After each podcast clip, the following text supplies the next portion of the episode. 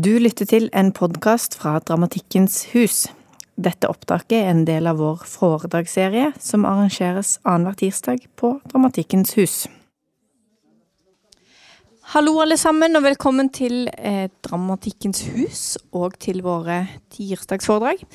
Um, i dag så skal vi få et foredrag av Sven Åge Birkeland. Og for dere som ikke kjenner han, så er han eh, teatersjef, eller kunstnerisk leder, heter det vel, ved BIT Teatergarasjen.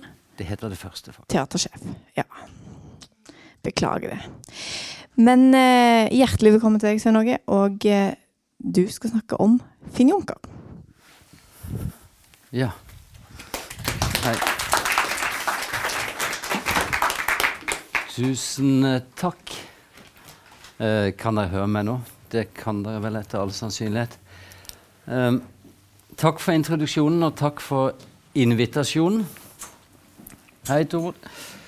Eh, mitt, mitt, navn er som sagt fremdeles Sven Åge Birkeland. Jeg er teatersjef, tidligere kunstnerisk leder i BIT Teatergarasjen i Bergen. Et teater som begynner å dra på årene. 34 år dette året, akkurat som meg selv. Og for den saks skyld kveldens hovedgjest, Finn Junke. Uh, dette kunne lett blitt uh, Eller vris til en State of the Union-tale. Hvordan står det egentlig til med norsk teater i dag?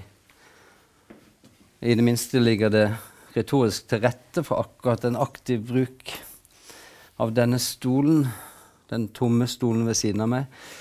Men eh, jeg vil gjerne terminere den muligheten med en gang. Eh, og heller fastslå at savnet, eller fraværet om man vil, eh, her enkelt og greit spiller på at Finn Junker ikke er her i kveld. Eh, og muligens kan vi skjelne til det faktum at tiden går. Der, da. Finn Junker. Men la oss begynne med å spole litt tilbake. Dette bildet er omtrent 25 år gammelt. For det skyld. Mitt virke begynte som en del av en festivalledertroika, eller et AU, som vi kalte det i BT Teatergasjen den gang. Denne institusjonen har utviklet seg nettopp til det, en teaterinstitusjon med alt det det medfører, og dertil hørende posisjoner og funksjoner. Og nå er jeg altså teatersjef. Noe av det gøyeste den gang, en form for sport jeg fremdeles dyrker intenst og elsker, er å kaste meg hodeløst ut i utfordringer og problemstillinger som det ikke finnes noe A4-svar eller fasit på. Og det var nettopp ved et slikt tilfelle tilbake i 91 at jeg stiftet bekjentskap med en ung mann. Verdt å merke seg, jeg var også selv ung den gangen. En ung mann som ikke bare hadde nerver til, men som også insisterte på at han og hans meningsfrender hadde en fantastisk idé de ville sette ut i livet sammen med oss i Teatergarasjen jeg var ikke verre eller vanskeligere å be enn at dette raskt ble et prosjekt som siden har vært med å definere hva teatergarasjen er, hva teater sånn i alminnelighet kan være, og muligens spilte en bitte liten rolle i holdning til hva norsk dramatikk kan være for noe. Vi startet et nytt dramatikkprosjekt vi kalte Norsk dramatikk. Ikke noe nonsens, med andre ord. Det var rett på. Men tilbake til mannen som kom. Den unge mannen som jeg siden skulle drikke meg sanseløst full med, spille håndball med, lese tekster med og diskutere små og store verdensproblemer med. Han begynte sin karriere som dramatiker og aktør, eller teaterarbeider om man vil, med en liten anekdote og en kanapé. Forklaringen kommer om litt.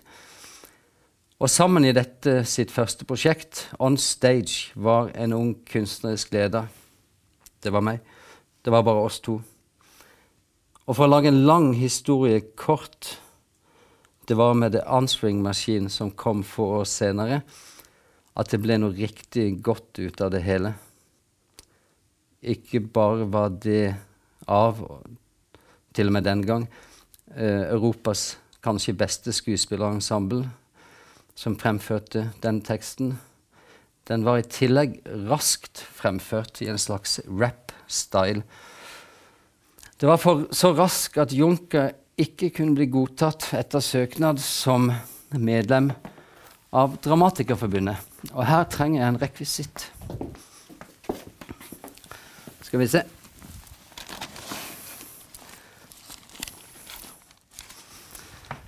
Og jeg skal lese da det brevet som Finn Juncker sendte til Dramatikerforbundet i Oslo. Jeg har tatt ut til hvem han adresserte brevet. Det var fra Finn Juncker i Nikolai kirke, allmenningen 5B 5003 Bergen. Det var 6. mai 95. Angående avslag på søknad om medlemskap. Takk for tilbudet om rådgivning i mitt arbeid som dramatiker. Det var fint å høre at Answing Machine som produksjon ble godkjent. Som produksjon ble godkjent. Synd den ikke oppfyller tidskravet deres. Forestillingen varer riktignok bare 45-50 minutter, mens skuespiller Frank Verkreusen fremfører teksten hurtig til tider svært hurtig. Som dere vet, skal Stand og Frank fra Kreusen spille stykket mitt i Belgia og Nederland senere denne måneden. Og mitt spørsmål som dramatiker blir da Tror dere jeg kan bli medlem hos dere hvis han fremfører teksten litt langsommere? Og i så fall, hvor langsomt bør han fremføre den? Som dere sikkert forstår, er dette noe som haster. Parentes, Answing Machine skal spilles i Antwerpen allerede 12. og 13. mai. Parentes slutt. Og jeg ber derfor om et svar så fort som mulig, slik at jeg eventuelt kan ringe Frank fra Kreusen og be ham foreta de nødvendige endringer i produksjonen. Med vennlig hilsen Finn Junker. Og uansett, og nå foregriper vi begivenhetene litt, det er nemlig så mange historier vi kunne ha fortalt. Finn og jeg har møttes i morges, og vi har spilt inn en samtale på nøyaktig 45 minutter og 45 sekunder. Og så får vi se om vi tar en prat i baren etterpå. Og så skal jeg se om jeg kan få på denne saken. Nå er vi der. Finn uh, Junker, hvor opptatt er du av historie? Ikke uh, spesielt. Jeg er jo opptatt av, av, å forstå fortiden, men ikke mer enn de aller fleste er det. Jeg tror vi, vi har jo fortiden med oss på sett og vis, og den former oss sammen med erfaringer. Men det er vanskelig for meg å skille mellom eh, erfaringer og historie. Eller å se historie som noe løsrevet fra de erfaringene jeg har gjort meg. Men du peker jo ofte på store klassiske idealer. Du peker på konfliktområder eh, som gjerne har en, et historisk bakteppe, for nærmest å se frem for å belyse eller reflektere over problemstillinger vi er opptatt av i dag, som muligens kan lære oss noe i morgen? Eller er det litt feil lest? Jeg kjenner på meg at det er en linje her som er ganske tydelig. Ja, når du sier det sånn, så er vel jeg enig i, eh, i det. Um, at jeg kanskje venner meg til historien litt ubevisst. Fordi jeg går ikke rundt og tenker så mye på historien. Du, du er rett og slett et dannet menneske, er det det du prøver å si til meg nå? Ingen dannede mennesker vil kalle seg selv dannede. Jeg prøvde å få deg ut på glattisen her, men det er for så vidt greit. Skal vi gå til en litt eh, nær, eh, nærmest personlig historie? Fordi eh, vi har faktisk hatt med hverandre å gjøre siden begynnelsen av 90-tallet.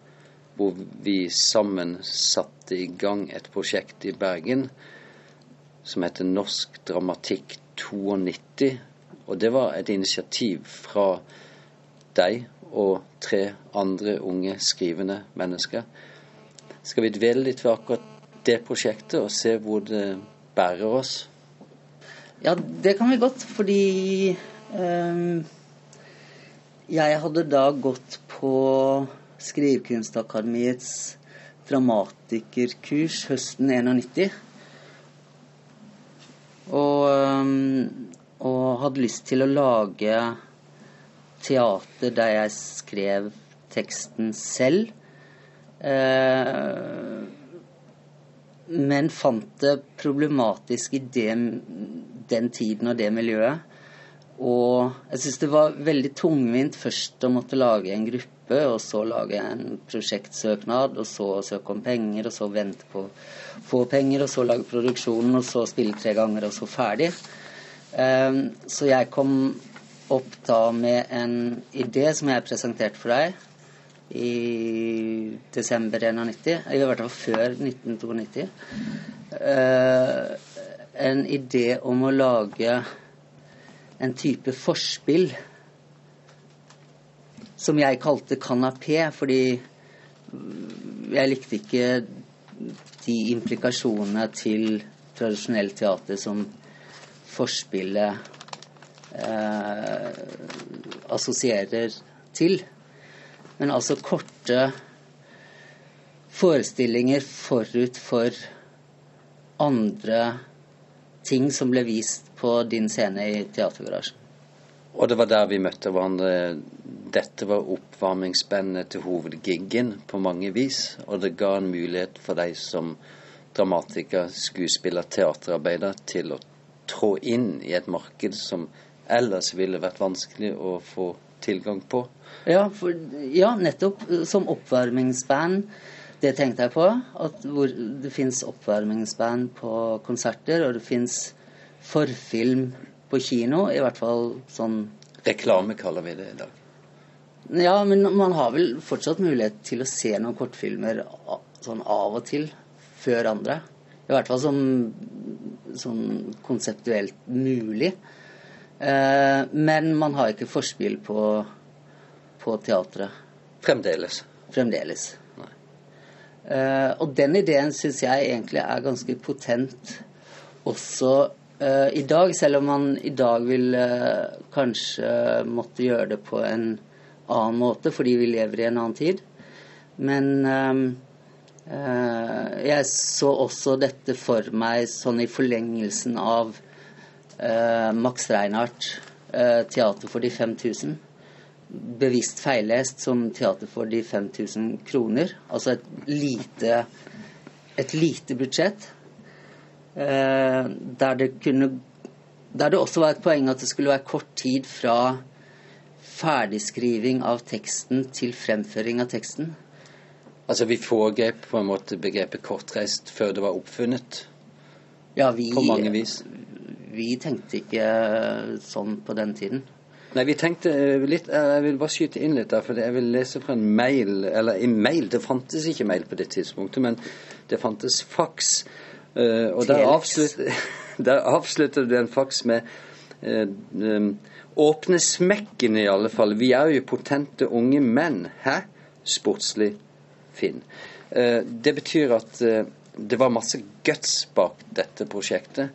Det var, eh, det var en invitasjon til, eller det var en plattform for å utvikle en tekst og raskest mulig sette den i produksjon eh, og få vist den for et publikum. Eh, forbilledlig, ville vi ha sagt i norsk teater i dag. Men den første kanapeen vi gjorde i dette prosjektet, den var en tekst av deg. Ja. Og da hadde du med deg en annen, den gang uh, ung uh, også. Uh, kommende teatersjef, undertegnede, i døråpningen til Teatergasjen, som Marina Ulay Obramovic stoppet sitt publikum nakne på vei inn i galleriet, så stoppet vi vårt publikum på vei inn i Teatergasjen med en tekst som vi fremførte. Husker du på noe som helst vis hva den teksten handlet om? For det gjør ikke jeg. Nei, det husker jeg ikke. Men uh, jeg husker at det var premiere på en produksjon av Teater du Radot fra Le Mans i Frankrike. Um, og jeg husker at, at, du og en annen, tror jeg, som jeg har glemt navnet på, sto på hver deres side av den lille slusen inn til teatergarasjen og fremførte en tekst. Jeg tror faktisk den du har glemt navnet på, var uh, Finn Junker selv. Oh, ja. uh, jeg syns jeg husker at jeg gjorde den sammen med deg, og det var det som var det forbløffende ved akkurat det første arbeidet, var at du ikke bare tenkte og skrev og, og fikk det på papir. Du fremførte også teksten i beste eh, ånd av kanapeen. For noe av hovedtrekket ved hele Norsk Dramatikkprosjektet var jo at også dramatikeren er teaterarbeider. Ja. Eh, og det var også eh, praktisk på det viset at jeg kunne jo, siden jeg både var dramatiker og aktør, så kunne jeg i prinsippet skrive om på teksten helt frem til publikum var der. Eh, og det var selvfølgelig veldig lærerikt for meg å, å stå der med teksten selv og, og, ikke bare se den som tegn på papir, men faktisk oppleve den kroppslig, hvordan en tekst eh, forandrer seg når den reiser fra papiret til munnen på aktøren. Og i akkurat dette tilfellet med den første, faktisk den første kanapeen i norsk teaterhistorie meg bekjent, så ble det også en veldig fysisk opplevelse. Ikke bare for oss som utøvere, skuespillere, kall det hva du vil, men også for publikum som måtte bane seg vei gjennom en Junker-tekst og Junker Birkeland stående og hindre de omtrent i å komme inn. Det ja. var en veldig fysisk opplevelse, og det var mye tilbakemelding. Og det ansporet oss vel ja. til at dette prosjektet, det skal fortsette. Ja, det ga, det ga jo uh, mersmak fordi det, En annen ting som jeg likte med det, var at øh, øh, At det bare skulle vises én gang som ga det en form for eksklusivitet, men som også ga det en energi preget av høy risikovillighet. Fordi det ville vært noe annet hvis man skulle spille dette i repertoar hver mandag i fem år. Um, men her var det tillatt å feile, og derfor og det gjorde jeg, men, men, jeg tror det er bare mulig å nå høydene hvis man er villig til å nå bunnen i seg selv også. Uh, og det med å stoppe publikum, uh, det var jo spesielt med denne ene kanapeen, fordi den var akkurat der, i den slusen. Uh, men for de andre kanapeene var jo på, på USF og på Bergen kunst de var rundt forbi? Eh, rundt forbi. Ja. Mm. ja. Uh, så en del, en del, av tematikken var jo også preget av hva slags lokaler den var skapt for. Men det med å stoppe publikum da Jeg tenkte mer ikke å, å hindre publikum, men heller å knabbe publikum. Fordi hvis man er hvis, Det ville jo vært veldig vanskelig å få tak på et publikum hvis du skal vise noe som varer ti minutter og bare én gang. Men da kan man jo bare låne publikum før de skal se på noe annet. Ja, og, og, og, det var jo det som var det geniale med prosjektet, foruten de elementene du har, har, nevnt allerede, var jo at det var det vi kaller en added value for et publikum som var sugent på å se hva teater eventuelt kunne være, istedenfor bare å få en bekreftelse på hva det var. Eh, publikum fikk noe ekstra, og det viser at kanapeen den fungerte, den. Eh, publikum var glad for disse små eh, innspillene de fikk. Og man fikk mer igjen for pengene sine når man tross alt betalte seg inn og investerte tid. Men finnes det en, en moralsk eh, utfordring i det å, å, å stjele publikums oppmerksomhet på det viset som du da viser til? vi stjeler på en måte ti minutter av tiden deres.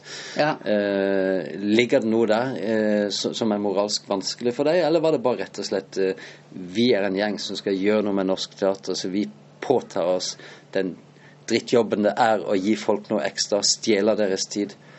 Eller var det ukomplisert? Langt mer ukomplisert enn la oss si hvis man skulle uh, stille seg opp på bussen og begynne å spille teater. Uh, og forstyrre folk i, i bussreisen. Mens her var jo folk innstilt på å gå på teater og få teateropplevelse.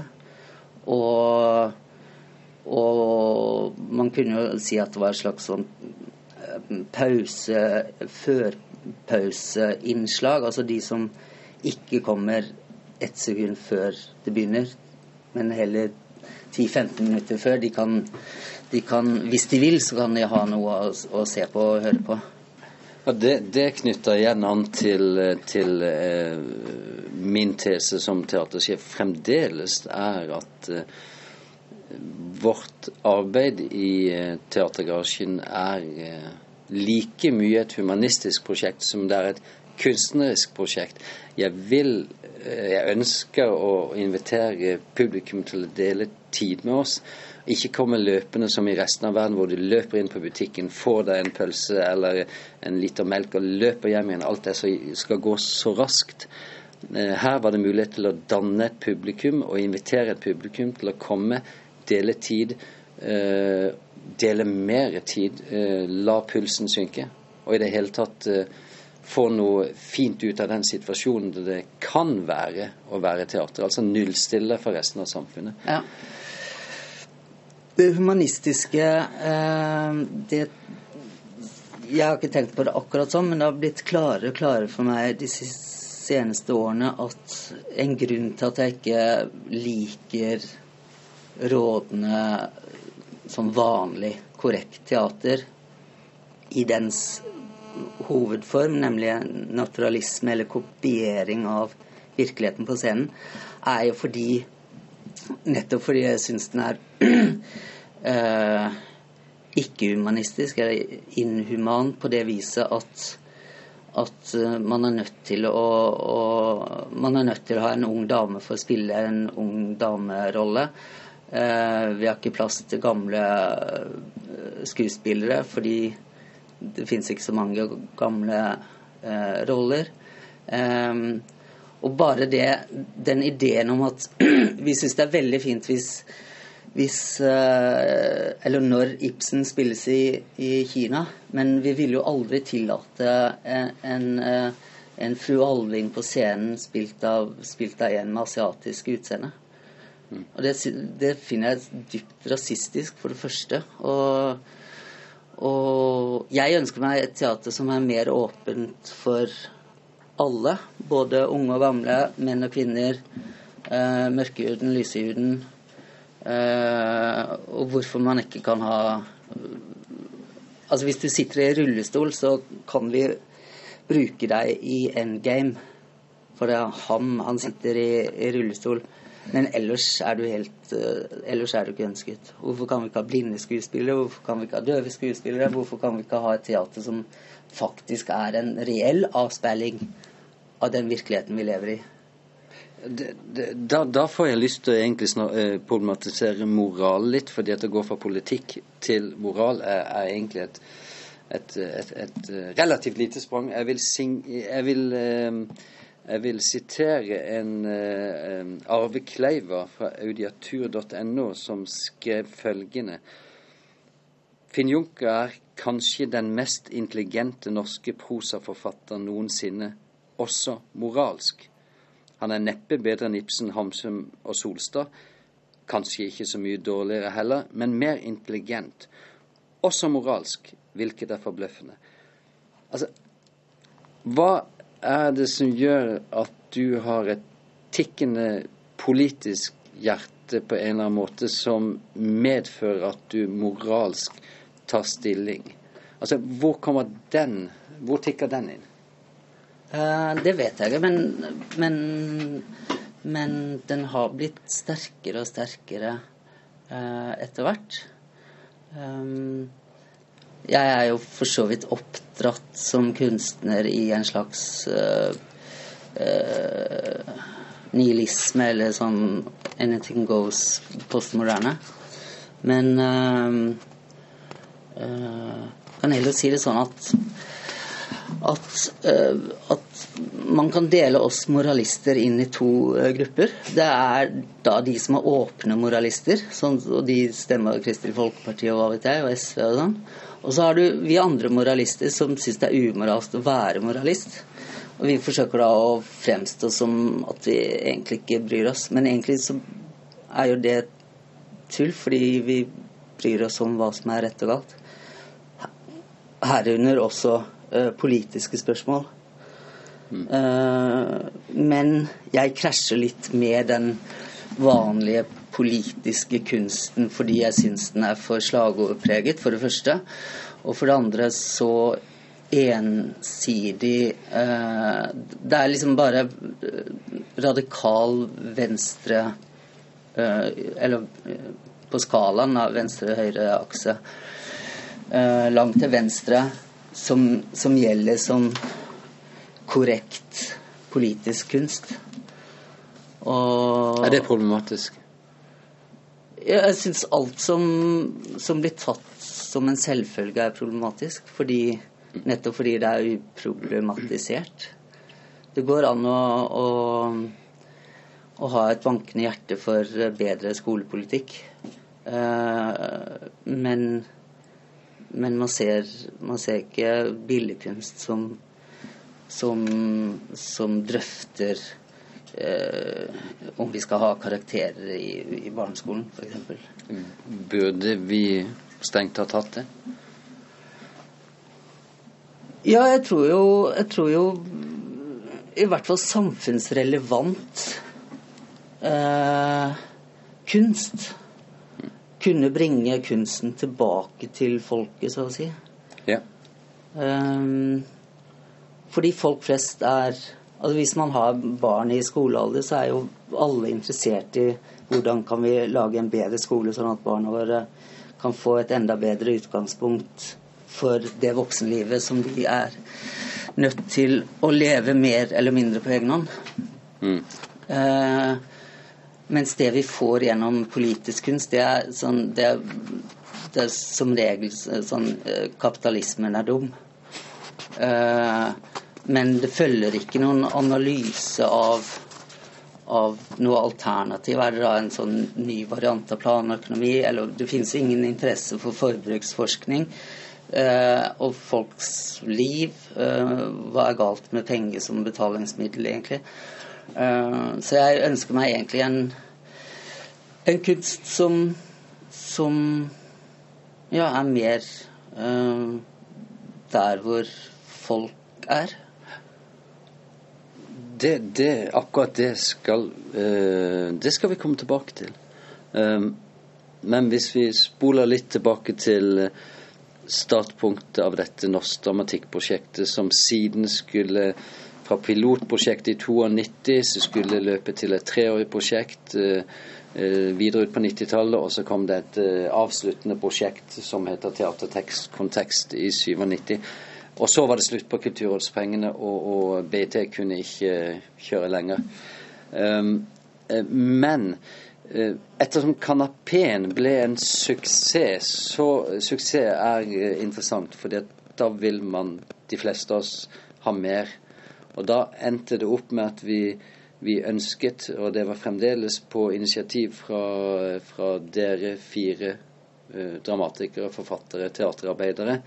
Eh, der var Inger Lønnebotn, der var Rolf eh, Enger og Marianne Solberg med i den eh, kvartetten. Ja. Eh, man ønsket å utvide formatet for om mulig eh, få et enda eh, tryggere eh, punkt eh, å stå på inn i teaterverdenen. Og, og vi, Vi, vi lagde en ny kategori. Uh, nå husker jeg ikke hva den kategorien hette, men uh, det ble en mellomting av en kanapé og en enakter, så vidt jeg husker. Ja. Uh, var det et feil steg å ha større ambisjoner før vi hadde spilt ut kanapeens potensial, for å si det sånn?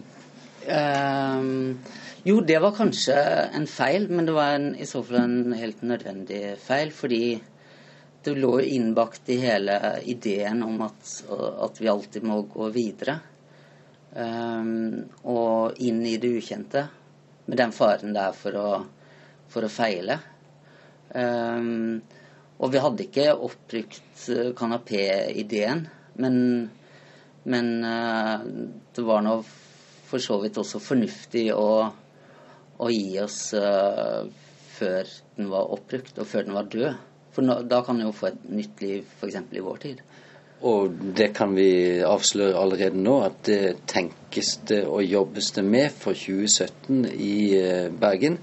Uh, og med mm, hjelp fra deg, så håper vi at vi får til nytt, en, en relansering av kanapeen med, med, en viss form for oppslutning og en fin kontekst å gjøre det i.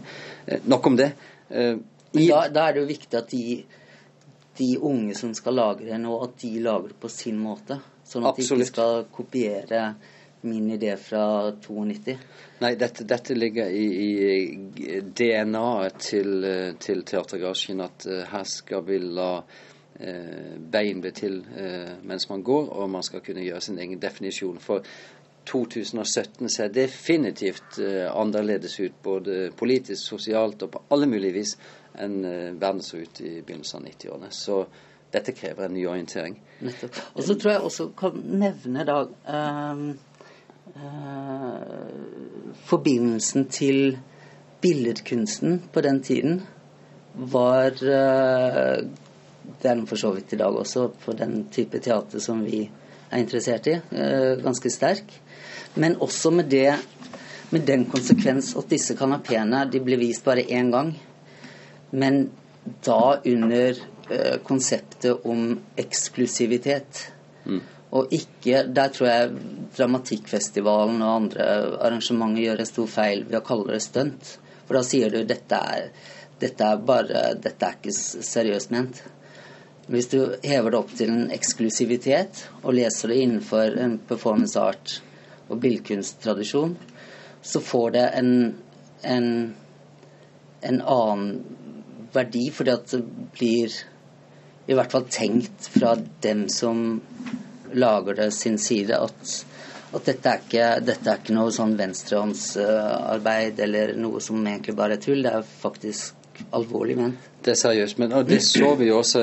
Resonansen i, i publikum i Bergen var jo Eh, det var jo masse folk fra det visuelle kunstfeltet som faktisk møtte opp og var et teaterpublikum. Og det publikummet har vi for øvrig ennå i, i, Bergen. Men, men uh, det er interessant å se, for i begynnelsen av 90-tallet, når, når, internett kom og, og, folk ble opptatt av å sitte hjemme og sjekke ut hva som foregikk istedenfor å gå på teatret, dette var akkurat i brytningstiden av det så var det også flere norske kompanier som fikk sitt gjennombrudd nettopp med i tett, tett samarbeid med det visuelle kunstfeltet. Ingunn Bjørnsgaard f.eks. Baktruppen var jo hardcore going, Verdensteatret osv. osv. Men um, men dette nye formatet, bare for å gripe litt fatt i det, jeg kan ikke helt glemme det. altså Dette nye formatet som da var eh, et større format enn kanapeen. Um, det at det ble en, en, en sterkere institusjonalisering av uh, disse arbeidene knytta til teater. Altså Teatret tok mer oppmerksomhet, og det ble et lengre arbeid, det ble et større arbeid. Større krav til produksjonsmidler, større krav til fasilitering. Gikk det på en eller annen måte på bekostning av uh, innholdssiden, nå spør jeg bare litt. Nei, jeg tror ikke det gikk på bekostning av uh, av noe. Det var en det var en um, naturlig fortsettelse. Ja. Og med andre rammer, og dermed også et annet innhold. Ja.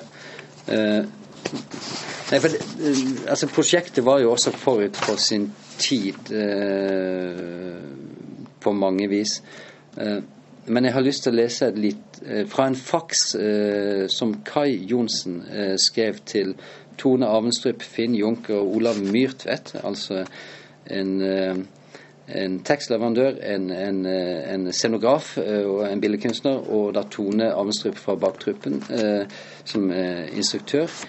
Basert på en tekst du gjorde som heter 'Anvendelse'. Og der skriver Finn at Nei, der skriver altså Kai Johnsen at sitat Jeg syns den har kvaliteter men jeg klarer ikke helt se hva en teatral bearbeider skal, skal, kunne tilføre den. For min egen del synes jeg også det mangler en form for nødvendighet, at den vil for lite, osv. Jeg skjønner ikke helt hvordan jeg skulle klart å motivere skuespillerne til å arbeide med den, når jeg ikke klarer å motivere meg selv. Altså, det er liksom litt av grunnen til at jeg spør, for det, disse tekstene var jo uansett kvalitet. Det var utrolig mange eh, spennende norske forfattere og, og eh, dramatikere med på disse prosjektene. Disse tekstene eh, var jo ikke enkle om man leser de fra teatret alene.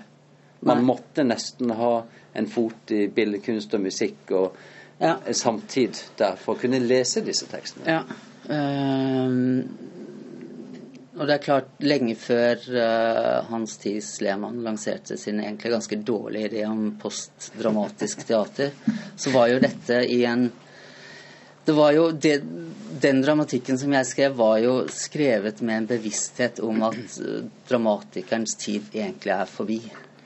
Uh, men jeg ville presse meg inn der, for jeg kunne ikke noe annet enn å skrive. Selv om det, var, det ga meg mye å stå på scenen, men jeg kan ikke spille noe instrument eller noen ting. Blokkfløyte, det ja, Jeg tror min mor fortsatt gråter over den uh, juleavslutningen da jeg spilte blokkfløyte. Men det er nå for så vidt en annen uh, sak. Men eh, det var helt klart en teater som Nei, ja, en dramatikk som var seg bevisst på at den må levere andre kvaliteter enn en, eh, en eh, tradisjonell dramatikk. Eh, og det gjør den jo kanskje også mer uh, tilgjengelig nettopp for, for eh, billedkunstnere enn for folk som forventer å få um, et, et, et, et vanlig, konvensjonelt eh, drama. Nå var det også sånn at dette prosjektet eh, hadde som utgangspunkt at eh, teksten, som du sier, kunne være skrevet av en Finn Junker, men den kunne også være sakset fra telefonkatalogen.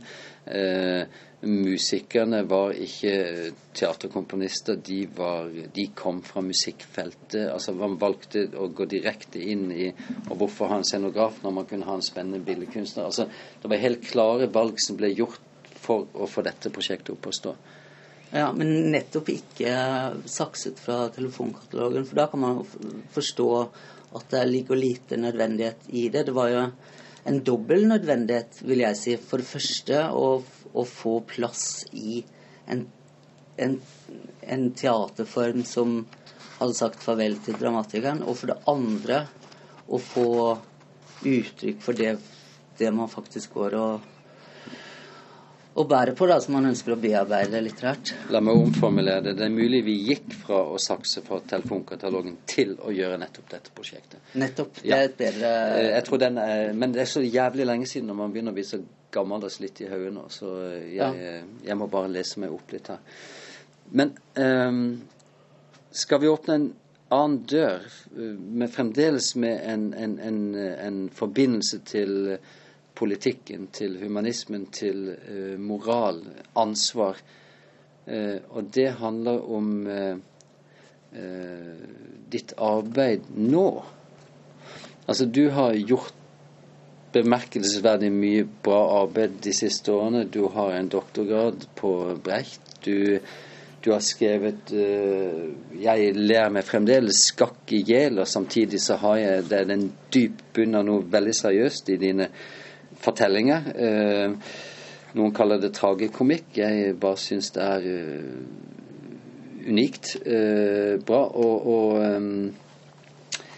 og, du er i gang på KIO nå med et Eh, med en ph.d. Eh, hvor du har virkelig seriøse hensikter, så vidt jeg kan lese meg til av det du har skrevet så langt her.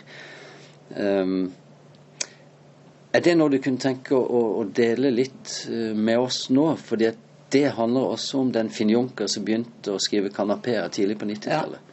Ja.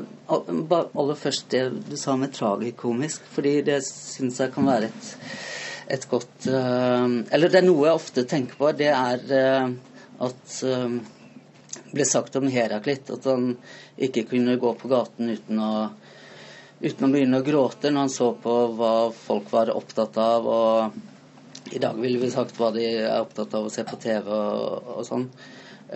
men så sier de om Demokrit at han ikke kunne gå på gaten uten å begynne å le når han så hva folk var opptatt av, og hva de strevde med. Og den, den dualiteten, eller øh, Jeg er nok mer demokratisk enn heraklittisk, men, men, øh, men, begge deler må jo være med hvis man hvis man skal ha et sånn noenlunde forsvarlig emosjonelt register. Eh, Men så, ja, så er det det som jeg holder på med nå. Der er det jo for det første eh, et ønske om å tilrettelegge teater for blinde og svaksynte. Uh, og det startet som en sånn vanlig junkeridé. Sånn teater ha-ha, hva er det? Derfor vil, det er umulig, derfor vil jeg gjøre det. Men så har jeg tenkt på egentlig forlengelsen av det jeg sa om, om naturalisme, eller det å være inkluderende for flere. Altså ikke lage teater for blinde, men lage teater for alle. Også folk som ser dårlig, uh, f.eks. Um, det er jo egentlig en scenografiidé, sånn som jeg har begynt å forstå det. Så uh, vi får se hvor det uh, bærer hen. Akkurat nå leser jeg om arkitektur i offentlige rom, bl.a. om å lage kontrast eh, gode kontraster i trappetrinn, f.eks., sånn at man ikke snubler. Eh, det var jo en her på, eh, på Kunsthøgskolen i Oslo som, som, var etter åpningen av operaen, oppe på operataket, og så snublet hun i en av de teite trappetrinnene der og brakk foten. Og endte opp på, på legevakten og fikk da eh, til kommentar ja, du er den fjerde i dag fra operataket som brekker foten. Eh, så, og det er jo Selv for synsfriske så kan jo eh, trappetrinn være en, eh, en, utfordring. Nå skal jo ikke publikum gå i scenografien som jeg ser den for meg, men allikevel å tenke kontraster som gjør det lettere å se uh, se det som skjer på scenen. Um, det sies da hvis du skal invitere en svaksynt på middag, så er det en fordel å unngå hvit tallerken, hvit duk og hvit serviett. Eh, men å ta disse ideene med over i, i scenografien, eh, det tror jeg har noe for seg. Og det kunne vært spennende også eh, rent sånn allmenn estetisk, fordi mye av billedkunsten er på en måte 'Fifty Shades of White'. Og kanskje la fargene få et sånn comeback. Disse 'Fifty Shades of White' er det også noen som kaller kromofobi. Redsel for farger. Um, det er derfor du er kledd i sort nesten hele tiden? Jeg er ikke kledd i sort. Jeg har ingen sort. Jeg har, går med hvit skjorte hver dag. Også søndag. Notert. Ja. Um, ja, og så har jeg også begynt å tenke på at um, det sies da uh, at uh, at for å høre en skuespiller godt, så må man også se ham eller henne godt.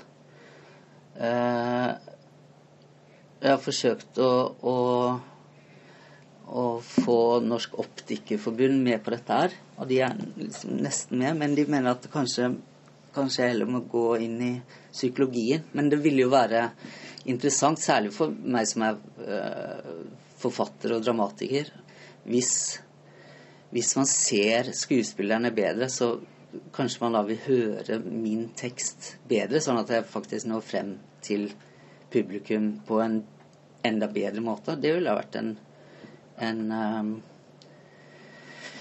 en uh, interessant gevinst. Men, men det, er, det, er, jo i, i, en eksperimentfase, så vi får se hvor det Men denne fascinasjonen din for, for å nå um, et annet, et større, et bredere sammensatt publikum ved ikke la noe være uprøvd, det er fremdeles med deg? Uh, ja. Sånn som jeg leser deg nå. Ja. Uh, det, det, skal du ha lykke til med, fordi det er et stort arbeid. I dag så ser vi folk driver og eh, forteller blinde om hva som foregår på en scene, en danseforestilling f.eks. Hvilket nok aldri kan, helt kan erstatte det å se det. Men det, det åpner en dør for at vårt publikum kan bli mer mangfoldig, rikere, og det blir en finere situasjon i teatret. Ja, det kalles synstolkning. Ja. Altså at blinde vil jo da kunne høre replikkene, men de, de får da nesten som inversen av tolk, eller subtitles, undertekster. At de bare får høre 'nå går hun til høyre', og 'nå kysser de', og, og sånn. Uh, og de har også synstolket et par filmer uh, i Norge. Uh, de som har kommet lengst, virker det som, det er England. De har noe som kalles vocal eyes. Som også driver med det de kaller touch tours, eller berøringsturer, der du som publikum får lov til å komme opp på scenen før forestillingen og og ta på kostymene og rekvisittene og få da en taktil slags fortolkning av det som andre mennesker ser. Eh, så det er mye å og det er mye som er mulig. Og hvis vi bare tenker at Jeg er jo ikke så pessimistisk at jeg syns alt blir dårligere, for jeg syns vi blir flinkere og flinkere til å inkludere folk. Um, men i dag da, så er det jo helt normalt, i tillegg til at det er eh, påbudt, da, å ha ramper for uh, folk som sitter i rullestol. Selv om de fortsatt plages av uh, høye dørstokker og, og, trapper hit og dit, så er det i hvert fall blitt mye bedre. Og det er blitt noe selvfølgelig at vi tenker på dem. Så da er kanskje tiden kommet for å tenke på enda flere. Ja, jeg, jeg følger deg det. Um der, der, har vi en identisk det, det, Dette handler mye om, om, om, eh, Det er jo en eh, stor ressurs å sitte her på KIO og kunne få anledning til å tenke disse tankene og gjerne prøve dette ut. Ja. Så Det skal vi være glad for at vi, vi, vi har deg til å gjøre det. Men fra å gå fra uh, dette intense ønsket om å styrke en, la oss kalle det svak part i dette mangfoldige spillet. Ja. Eh, la oss kikke på et par andre prosjekter du har, for der handler det også om, eh, om, om feil, eh, ting som ikke er riktig, og, og en, en, en, svak part som blir tilsynelatende virkelig revkjørt av en annen part, for å si det folkelig. Eh, du har et prosjekt som, eh, som handler om justismord i Norge, og gjerne noen som ikke er så kjente som de som man leser om i Dagbladet hver dag. Ja. Um, jeg har laget en veldig sånn sexy tittel for å få mye publikum. Den heter 'Mindre spektakulære justismord i Norge 2004 til 2015'. Glimrende. Ja, og, eh, og, samtidig så jobber du med et, eh, med et eh, prosjekt for Eh, overgrepene i Palestina. Eh, altså den, denne fascinasjonen for å trekke frem eh, urett ja. og, og problematisere veien videre, hvordan få til en bedre fremtid for oss alle sammen. Altså, det, det, er vel kanskje det vi går og bærer på som en våt drøm alle sammen. Nemlig det å Vi ønsker dypest sett innerst inne å gjøre verden til et bedre sted å være. Ja. Og da har du grepet disse tre uh, casene, Ja. for å si det sånn. Er det noen spesiell grunn til at du greip uh, justismordet i Norge, uh, ikke spektakulære, og, og, og uh, Palestina-konflikten som din slagmark? Nei, det er, det er fortsatt i en oppstartsfase. Eh, så jeg foreløpig kaller det estetisk darwinisme. Eh, altså det er mange ideer eh, her, og eh, noen ideer har, allerede gått ut. Og så, Fordi man, man vet jo aldri hvor lenge en god idé varer. Man vet jo hva som vil overleve til slutt. Så det er flere ting som som, eh, som er der, som kanskje ikke hører sånn veldig godt sammen på papiret, men, eh, men som kanskje har en forbindelse allikevel. For det, den en tredje idé om å dramatisere forsøk på mennesker. Som da ikke bare eh, inneholder disse forskrekkelige tingene som nazistene gjorde, men, men også eksperimentell eh, telepati, f.eks. på 20-tallet. Og Walter Benjamins hasjforsøk. Walter Benjamin må jo ha vært den, være smarteste forsøkspersonen, man, i hvert fall den rareste, som man kan tenke seg. Um, men en eksperiment Altså ta med Da er det plutselig en forbindelse mellom tilretteleggelse av teater for blinde og svaksynte og forsøk på mennesker, fordi at det er jo en forsøk med mennesker, men det er jo, det er jo et forsøk for å gjøre ting bedre, og man må jo bruke forsøk på mennesker for å utvikle nye medisiner, f.eks. Um, og hvordan dette henger sammen med Palestina, vet ikke jeg, men, det er, men kanskje det er den med en, en svakere part, jeg vet ikke. Men å få, få andre mennesker i tale, fordi det Palestina-prosjektet handler jo om israelske soldater som forteller hva de opplever.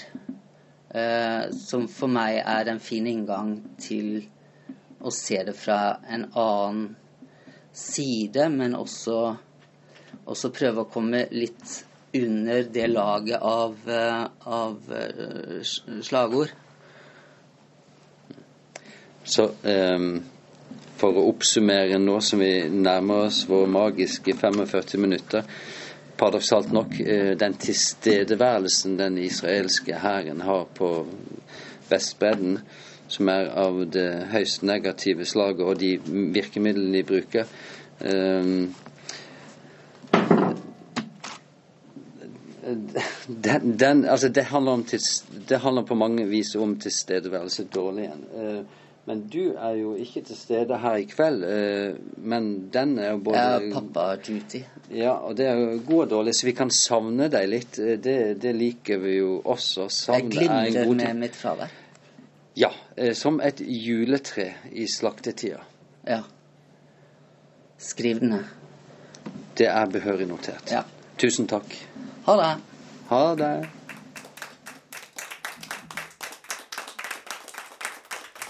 Ok, Tusen takk for at dere kom, og kom gjerne tilbake om to uker. Da kommer Tore Wang-Lie og skal snakke om Nordahl Grieg. Eh, du tar kanskje en liten enhet i baren? Det er høyst sannsynlig. Høyst sannsynlig, så kanskje vi kan fortsette en snakk der. Du har nå hørt en podkast fra Dramatikkens hus. Har du lyst til å høre disse foredragene live? Sjekk ut våre hjemmesider dramatikkenshus.no.